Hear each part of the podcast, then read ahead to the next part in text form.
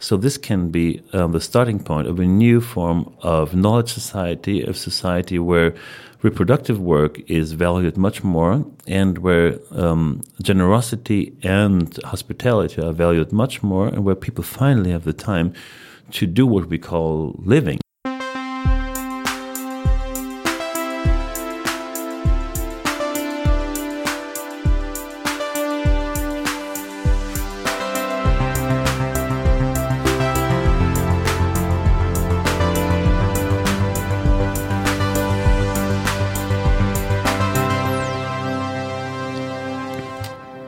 If it's the same in, in Germany, but I think um, I think many of us feel that um, reading newspapers is uh, quite depressing. Yeah, it is. Yeah, yeah.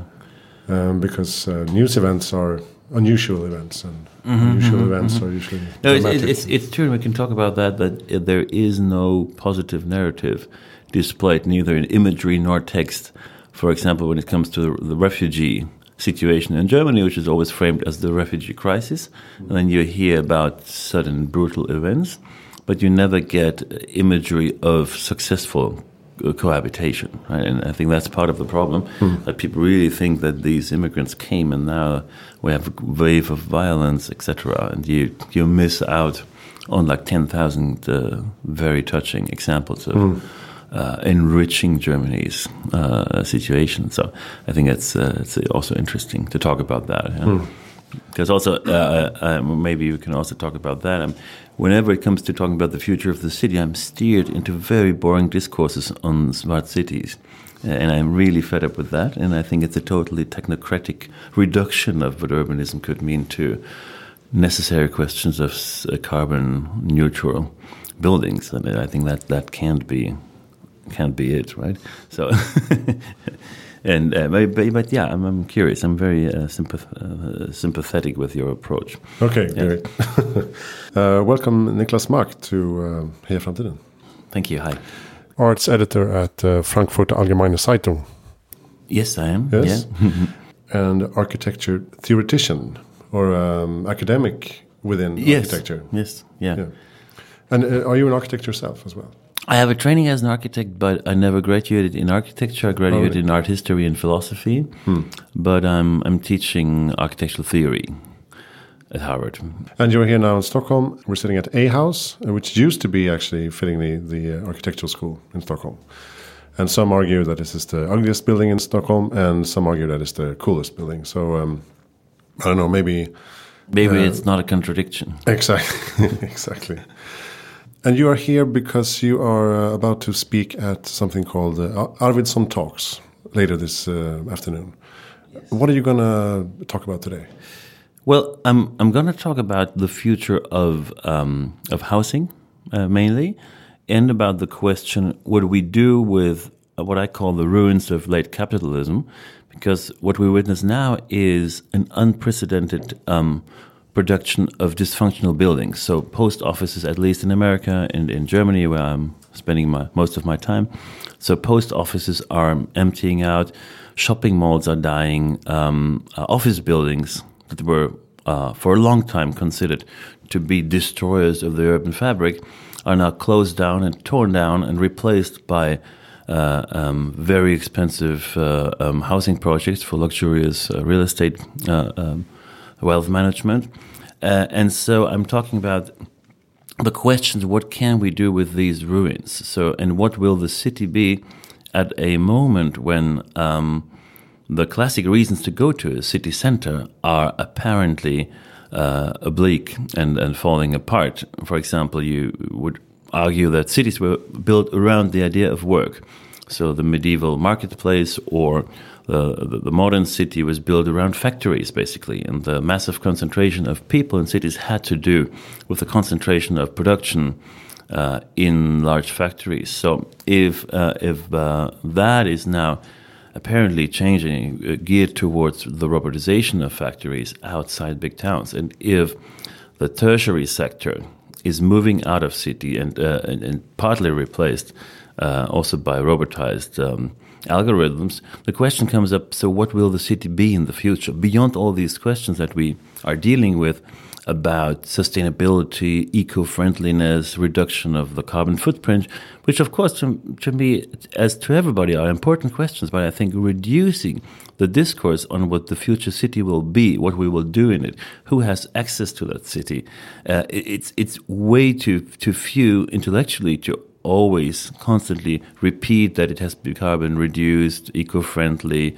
automated driving, and all these like technical approaches to kind of an eco efficiency. And what I'm interested in in that talk is to question uh, if the demographic, the sociological, also uh, the societal change that we're witnessing might lead to exciting new forms of actually redefining the city beyond like commercial efficiency and beyond what the city has been for a very long time. Hmm.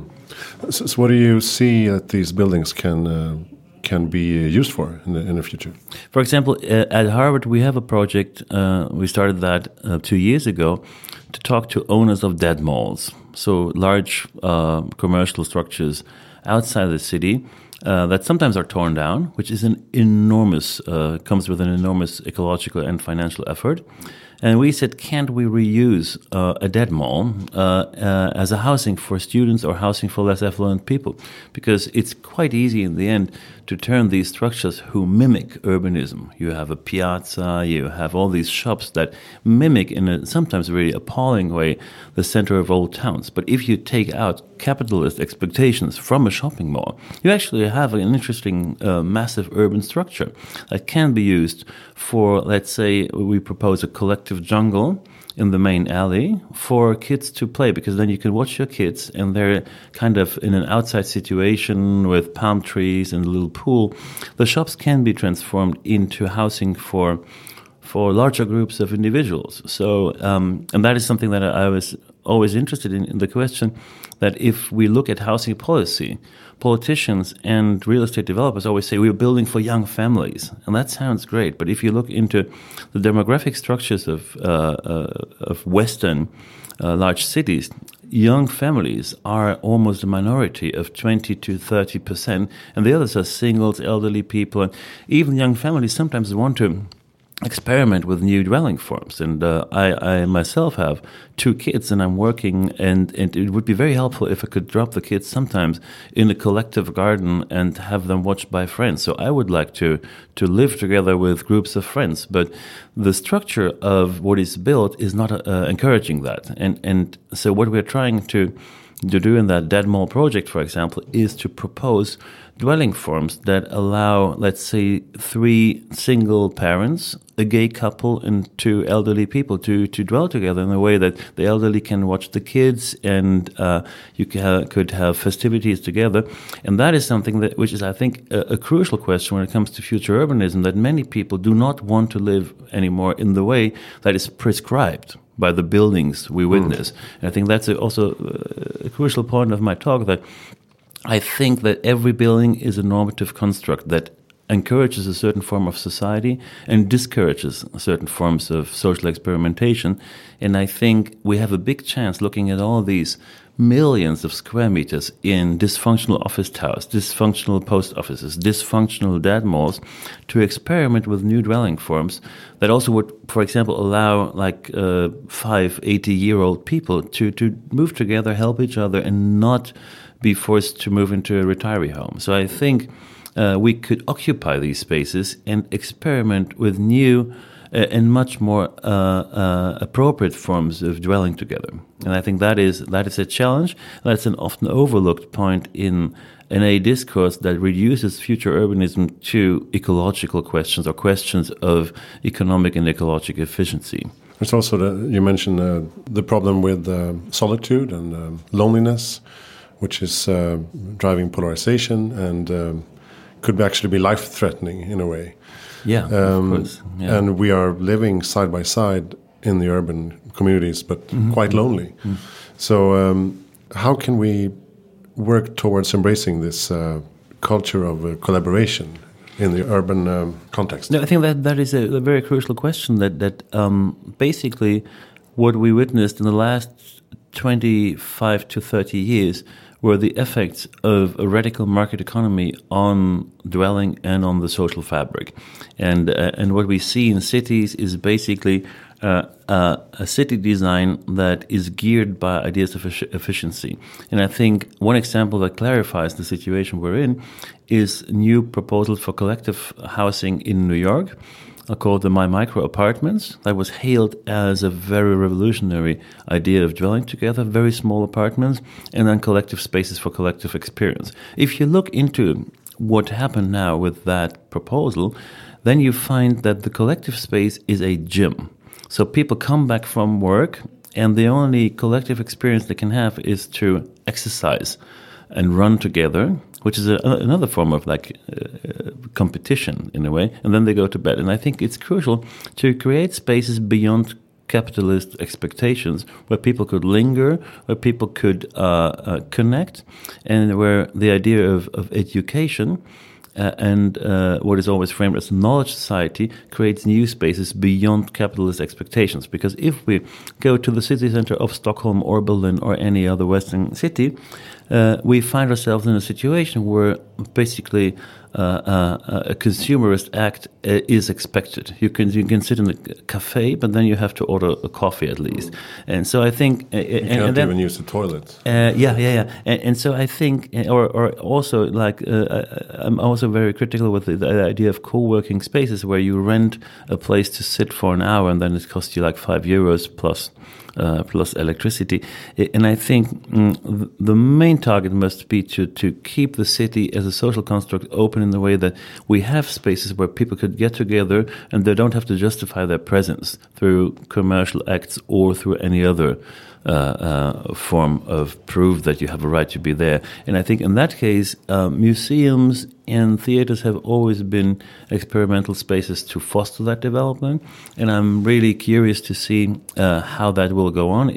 For example, if you look into uh, the museum landscape in England, you find that many young people use museum uh, the museum as kind of a collective living room where they come, they hang out, they meet friends, they Google, and it's it's the interesting. Uh, uh, situation that young people, um, uh, if we look into the data, are spending less time in front of artwork, but more time in museums. So you ask yourself, what are they doing? Mm. The answer is they're using it as a collective living room to to, to connect, to meet, and, and to spend time together. And I think that is an exciting development because everybody's lamenting about young people not looking at art anymore. But I think that is a new form of of creating informal collective experiences in the city. And i think that is very important that that is made possible.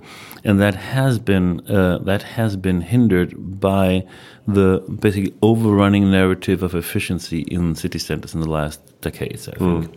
I think the hotels are also pretty good at uh, opening up their uh, at least the ground floor. Uh, yeah, of course, again, but, but then again with uh, with uh, a form of expectations, and uh, I think talking about hotels is very interesting because I think the hotel has become the predominant model for also housing experiments. If you look into these communal buildings with, with shared kitchens and shared working spaces built by building communes in Berlin, that's this is a very new development uh, and much hailed by everybody. But I think there is also an inherent danger that these building typologies become become basically hotels, but this time without strangers. I think the question of the promise of the European city and the American city. Mm, and also of many Asian cities today was that strangers, uh, migrants, were welcome um, to become part of that uh, experience of that construct. And I think the idea of hospitality and generosity can't be uh, overemphasized in that discourse. And I d- I don't think that that uh, many building typologies are that open and that urban. And I think many seemingly interesting, smart um, shared spaces are basically fortresses where, where you only get access if you are a creative person, if you're white, if you have a certain amount of mm. money. And I think that is a counter movement to a certain idea of urbanity. So that's basically like creating a cloister for a very homogeneous social group of, of people that excludes migrants, excludes elderly people. Mm. Everybody who's not productive in the narrow sense of the word.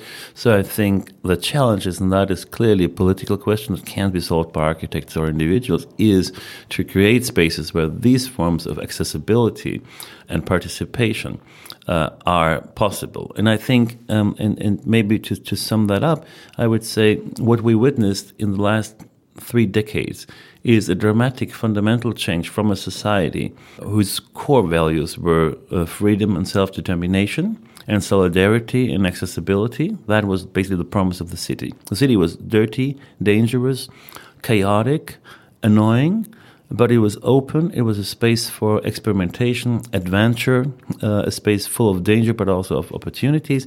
And that has been shifted uh, towards a society whose core values are comfort and security.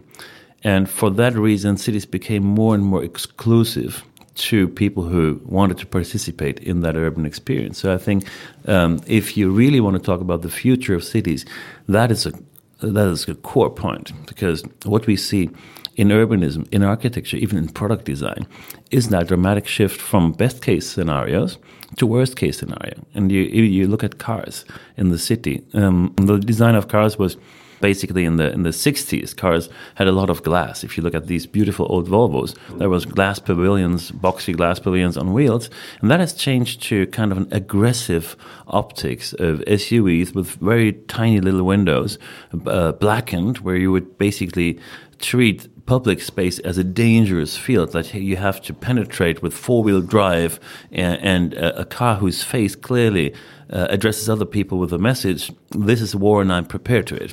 And I think uh, I, I, think that that if you like cars or not, car design is such a good indicator of what happens in society, and you find the same idea of rejection of the other, rejection of an idea of being open towards public uh, space uh, you have that in architecture and product design. And I think we have to really closely think about what happened there and what we can do about that, because otherwise we end up in a formalist discourse on, on eco-efficiency hmm. without changing the psychological underpinnings of what we call urbanism. But I also think, uh, like we mentioned before, uh, it's uh, a part of the uh, news uh, narrative, uh, which is that people get quite scared. They believe that the city is much more dangerous now than it used to be. Well, it's probably the opposite. and that, that's, that's an interesting phenomenon that if you look into statistics and data, um, the amount of violent acts in public uh, space uh, diminished remarkably. The public perception is one of constant threat and danger, and uh, I don't think it's only because people watch TV and they only watch crime scenes in, in, in TV productions.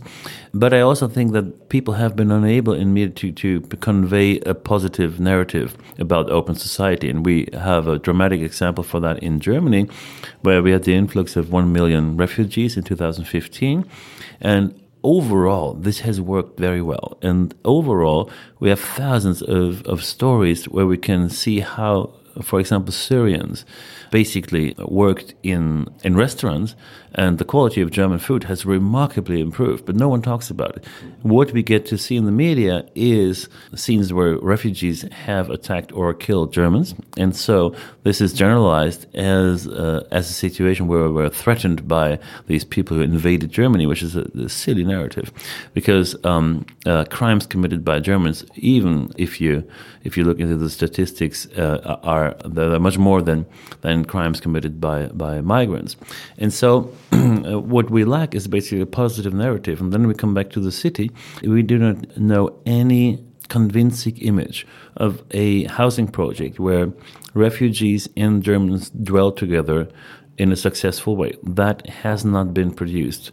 And so the only thing we see is refugees in refugee camps, refugees in container villages, uh, fenced. Um, and and cut off the, the, the, urban fabric. So I think also it's partly the responsibility also of town planners and politicians to create situations where also the people who live here get in contact with people who newly arrived in the country, and that has to do with working policies, with the possibility of enabling people to come here to start working immediately. And we, we started another project at, uh, with a group of Harvard students called the, the New Market which is of course a joke on market economy. It's a, a refugee building that is built on stilts, and underneath these stilts is a little market for the area. Uh, because the place where we will implement that, that prototype is an area where many people live in 60s housing, mass housing uh, slabs, and they have no market and no possibility to, to do shopping. So we said rather than to put another box with refugees um, next to it and, and fence it. We lift it up so the people are protected but underneath we create a public space which is a market where people can bring their mobile phones and they're repaired by two guys from Aleppo who um, who um, studied mechatronics and there is a shoemaker uh, from Eritrea and there is a carpenter um, uh, from Nigeria and they will all live there work there and offer their services to the community so also I think it's a, an important point to, to turn around the narrative that they come and they profit from our social uh, uh um, services, uh, and, and, instead they are offering something to the community that is uh, desperately needed in that area. So the idea is also to create a positive image of how things could work and how we could benefit. Uh, um, as people have been always there from the newly arrivals. But the problem is that these images are very few to find. usually they don't do projects like this uh, in the city center. Yeah. It's usually on the outskirts, so uh, no one actually gets to experience it. Yeah, and also, that that's true, and, and, that's also mainly because what we see in city centers, I think it's the same for Stockholm as for Berlin, is a massive land speculation with building uh, sites. And of course, that is a topic that touches the very base basics of uh, of a society. Because I would argue that that uh, the ground, the property uh, on which things are built, is something that uh, can be multiplied. It's a it's a it's a resource that is uh, limited, and it's as important as let's say water or air. And that's why I think it's it's it's important to start a political discourse on the question who owns the land, and do we really allow people to speculate with land uh, when we see the devastating effects that this has on a majority of the population?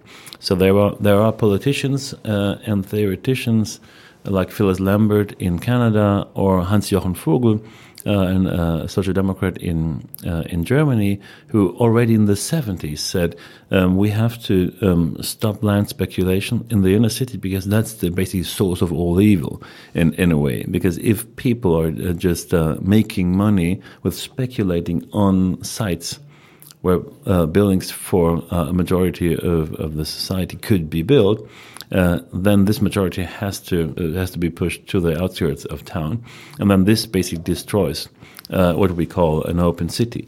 And then we see the effects in London, which is like virtually the center is virtually dead. It's becoming a, an investment portfolio in form of houses, but not a city anymore. And I think if you want to uh, not go this way, you have to talk about the question: What do we do with uh, uh, with the common goods and and and the ground and um, and in Berlin, uh, politics now shift to uh, to buying uh, the last resources of land, keeping them in the hand of the state, and just allowing people to to borrow that land for let's say hundred years and build something on it, and then you can also make money with the buildings you erect on them. But it, the property, the land, stays in the hand of mm. the hmm. community. I think that is a very important like political requirement, mm. um, and uh, and of course much attacked by by liberal market economists uh, uh, economists who who call that a new form of socialism. But uh, but if you want to be social, you um, you should, as a state, have a hand on these developments because we see it in Berlin. In Berlin, we have a situation where um, you have a lot of building permits for areas that could be built in the city center, but then the owners of that land speculate on even higher prices, so they keep it, they do not build anything, and after three years they sell it for double the price. And that is a form of, of speculation which I think should be stopped. And I think you have enough uh, tax tools to prevent people from doing that. Hmm. And you, you touch upon that in your uh, in an essay I found. Um, luxury housing, uh, they become uh, zombie cities. In a way. Oh yeah, yeah, yeah. Uh, and you have written a book called Living Complex From Zombie City to the New Communal, which uh, basically uh, sums up everything we talked about. But, yeah. And what is your what is your vision about your future city? Uh, you said you were sick of the the whole smart city discussions. Yeah, because I think the smart city discussion is kind of a tragical last development of, of the efficiency-driven market economy place, and uh, all which is sold to us as improvement of our lives in smart cities is geared basically by by uh, uh, capitalist expectation, exploitation of data Uh, and so it would be very critical if the smart city is so smart. And uh, one of the unsmartest things about smart city is that we are presented with uh, with very uh, impressive technological tools like autonomous self-driving cars that are supposed to take you from home to work, and you could have a nap in the car, or you can work in the car, even practice uh, and do sports in the car, which is, I think, a, a silly idea to to exercise uh, and work out in a, in a self-driving car instead of taking a bicycle, right? Mm. So you see, there is a kind of a silly uh, uh, technophoria in that, but and then there was a Stanford report, 120 pages on the smart city and the future of commuting between home and work, but not a single page was dedicated to the question, what will work be in the future? And mm. where do all these smart cars take us to? And what do, do people in these interconnected homes actually do in their lives? And so I think it's rather important to, to, to tackle the question, what do we do in a city center when we don't work there anymore? Because work, certain forms of work will clearly be replaced by algorithms, and that is not necessarily a bad thing. So, someone who works as a cashier uh, nine uh, hours per day, just making people pay their products, is not a very fulfilling job. So, if that is robotized, why not? But then the question is, what do all these people do? Where do they get money from? Uh, and uh, and also if we don't go to the city centers anymore to uh, watch uh, uh, the cinema because everybody has Netflix, and if everybody is uh, doing other forms of work, and if everybody is not shopping anymore because they order everything via online, the question remains: What are we doing in these cities, whether they are smart or not? And I think the smartest thing is then to tackle that question first and then design cities around that question instead of basically um, making the existing city a little bit eco friendly uh, and, uh, and, and smart in a technological sense of the way. So I think smartness starts at a point where you fundamentally question the way we're living today and investigate in the question um, or dive into the question what can we do with the existing city if certain forms of work and consumption that happened there aren't happening anymore. You could describe that as a disaster you can say this will be the death of the city, or you can say, great. So we have a lot of buildings, a lot of public space, which is not needed anymore for for consumption or for the production of goods. So this can be um, the starting point of a new form of knowledge society, of society where reproductive work is valued much more, and where um, generosity and hospitality are valued much more, and where people finally have the time to do what we call living, just to spend time together, to tell stories, to linger around, to take care of others. So I think that is uh, the, the social perspective of this uh, park of ruins that uh, late capitalism has left to us. And I think that is a different concept of a city that has a lot to do with what the Greeks called the Museion. The Museion was uh, not a museum in the modern sense of the word, but it was a district of the city with temples and theater uh, and spaces where people could linger and make experience and listen to storytellers. Uh, and it was the counterpart of the economic center, which was the Agora, political economic center. And I think after the complete erasure of the idea of uh, of Otium and of the Museion, um, the new technical and economic developments that we witness could also help to reestablish that idea of spaces of solidarity, of knowledge, of spending time together, uh, and not limit this form of, of dwelling to an hour after work and before going to bed. So I think the expansion of the city as a social construct is the biggest chance that we, we see in these developments now. Great. Thank you so much, uh, Niklas Maak, for joining Heja Framtiden. Thank you for having me. And your book is called Living Complex From Zombie City to the New Communal. And you're also uh, curating a, um, uh, an exhibition. An exhibition, yeah. At the Guggenheim 2020, uh, which is called Countryside Future of the World. Yeah, and that is that is basically tackling the question what happens outside the city because as architects and planners and theoreticians, we obsessively focused on the idea of the urban condition of the future of uh, the city.